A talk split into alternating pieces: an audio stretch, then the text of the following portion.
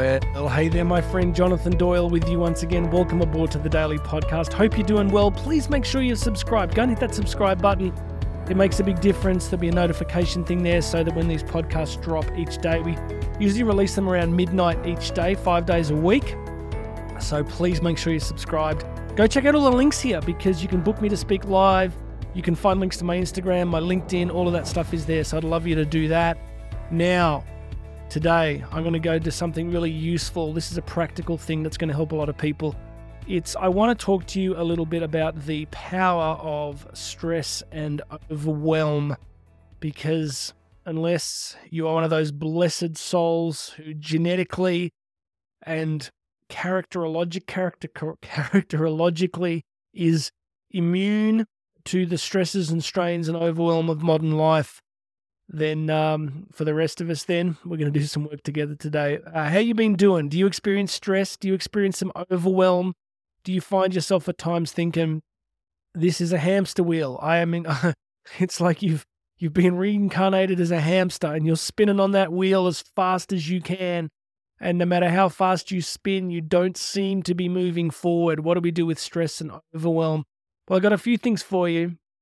Before i forget it i I think I should mention to you the concept of risk. If I don't mention it later, I'm going to give you some practical stuff here. But one of the things we need to talk about is risk. That if you want to change your experience of stress and overwhelm, you have to do different things. You have there's some things you have to do differently, and doing those things differently requires risk.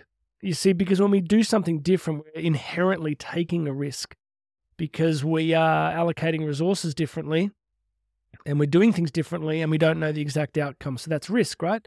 It is easy to stay exactly where you are and to keep doing the same things that you've been doing, but you won't forward. You know, you can deal with stress and overwhelm with alcohol, right? So you can drink. And if you drink, you will find that stress and overwhelm disappear uh, for a time frame, for sometimes quite a significant time frame, depending on how much you drink. And I'm not saying you shouldn't drink. I don't personally, but you are very welcome to. You're going, Jonathan, I wasn't asking your permission. I get it. But if you drink, all good.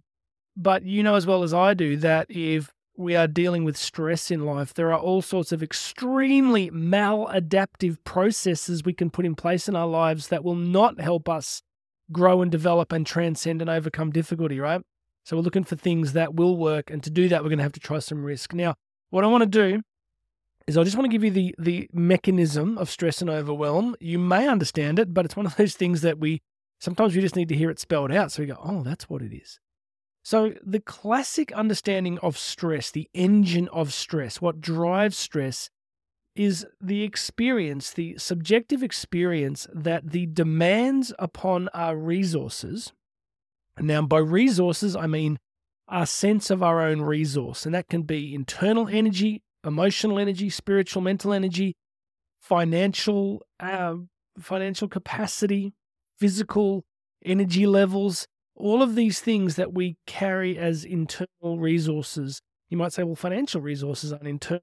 I guess then I would say that resources that we feel are within our control, that we possess. So we possess a certain amount of finance, we possess a certain amount of energy, we, we possess a certain amount of cognitive ability, so stress happens when our perception, that's an important word, isn't it? Perception of the stresses coming towards us leads us to believe that our resources cannot match those stresses. So let's think about it practically. Like, would you be stressed if you made $10,000 a month and you had bills of $40,000 a month? Because if that's the reality, there's obviously going to be a, a cognition, there's going to be a, a mental process where you begin to sense the gap between those two realities. And then you begin to construct what that will mean for you over a certain period of time. And that will then lead to probably anxiety or avoidance or depression or whatever we go into, because the overwhelm, the stress is ultimately nothing more than this feeling that what's coming at us is greater than the resources we have to meet it. I, I learned this over many years. I, I don't tend to get stressed much anymore, having learned some of these principles.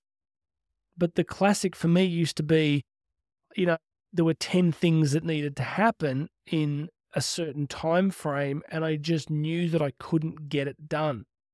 And so the stress, the sense of powerlessness, and that's another important word, isn't it? Powerlessness. We get a sense of we just don't have the power, the the control to deal with what's coming at us, and then we get stressed. We get stressed, we get overwhelmed.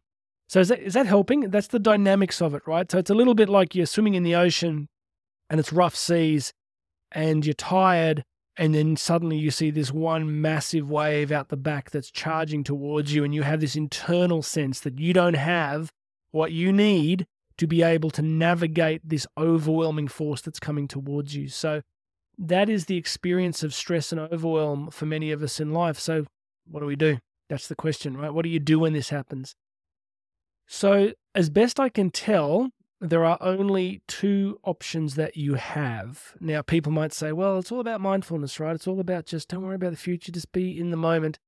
I'm not so sure. I think if you've got genuine challenges and problems and stresses, you can stay in the moment all you want, but those things are still there. And there will come a moment when you're going to meet them in a particular moment. So it's that great line from Ernest Hemingway in, uh, I think it was in A Farewell to Arms where the question was posed by one brother to another, How did you go bankrupt? And he said, Well, slowly, and then all of a sudden, right? It's like you can ignore stuff for a long period of time and it will just roll towards you slowly, but then all of a sudden it'll be there. So I'm not quite sure that living in the moment is the ideal strategy. It can be helpful, can help us to sometimes be grounded and to come up with good, uh, I guess, solutions.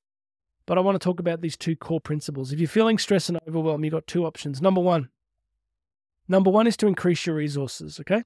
So pretty straightforward, which means what? You can increase your well being, your energy, your fitness, your spirituality, your mental skills. So you increase those resources and that will help you move towards overwhelm and stress more effectively. So, Clive, what's his last name? Clive, gosh, someone's going to message me about this. He was the English rugby coach for many years. He was the nemesis of uh, my Australian team. And he developed a coaching system where they he did it and uh, Dave Brailsford did it too. Dave Brailsford was the coach of the British cycling team for a long time. He was the guy that got um, you know, the first Tour de France for an English rider for many, many years for Bradley Wiggins. Everyone's going, Jonathan, where are we going? You're now you're getting into obscure sports trivia. Stay with me. What Dave Brailsford did so successfully was he realized that at the top level, you weren't likely to get massive breakthroughs. So what he did was he identified the tiniest details everything from nutrition to clothing temperature to just wind resistance. Like he kind of targeted about 100 or 200 or more little things that led to the big result. So, what do I mean by that? Well, if you improve your nutrition a little bit, you'll get a incremental growth in your sense of well-being and your energy levels, which will help with stress as well. And if you use a little less social media or you watch a little less junk Netflix, you'll get a bit more energy around you and a bit more time, and that's going to increase your resource. Remember why? Because there's only two ways forward, right? Increase the resources, uh, and then I. I'm going to give you the second one in a sec. So, how does that work for you? What can you do at the moment in your life if you're stressed to increase your resources? Imagine a battle. Imagine like a one of my daughters is a huge got a huge fascination with the Second World War, and she's reading a book at the moment on the Battle of Stalingrad. And when you see these two great opponents, Stalin and Hitler, fighting over this city, you see it's all about resources, right? It's about getting enough resources to the front line. So when there's stress and conflict and pressure, it's resource that really makes the difference. Strategy, yes, but ultimately resource to be able to execute the strategy. All right, so what have we got? The first thing, increase the resources available to you. So what can you do practically? You could ask for help. You could reach out to people. And this kind of ties into the second principle, which is something that I'm really, really convinced about, which is delegation. Remember, we, the last couple of episodes, we've been talking about Alfred Adler's separation of tasks. Think about, you know, the ability to to not take responsibility for absolutely everything all the time and begin to ask for help. So you can you can increase your resources or you can start to delegate and offload things. And it's ah, so many people struggle with this. I don't know whether it's a personality type or something else, but so many people get stuck with this delegation piece. So years ago, we were working with a business consultant on our business, and one of the processes was me kind of delineating all the structural challenges within the business at that time. And I remember them getting back to me saying, look, you need at least six more people to do what you're doing. And I was just like, yep, let's do it. I remember Karen was like, oh, you know, can we fund that at the moment? And she was more cautious, which is always good in a partnership to have those different perspectives. But what I realized was what I said to you at the start of this message today around risk that to grow, to break through required risk. And so we ended up using a lot of people, which really moved things forward and getting more staff on. So you learn that you either increase your resources or you delegate. And that might mean in your own house. You, you actually have to say to people that you live with, look, I need some help with this. This isn't working. I'm feeling exhausted all the time. Can we talk about this and having that conversation? Because this is the dynamics of stress and overwhelm, and these are the tools. I mean, what else have you got? Like, if you're listening to me now going, oh, really? You're just telling me to increase my resources or outsource and delegate things more? Well, yeah, what else you got? Like, if the stresses are coming at you, if it's financial stress, you either increase your income or you reduce the forces or simplify. Let's add a third principle, I guess. We can simplify, right?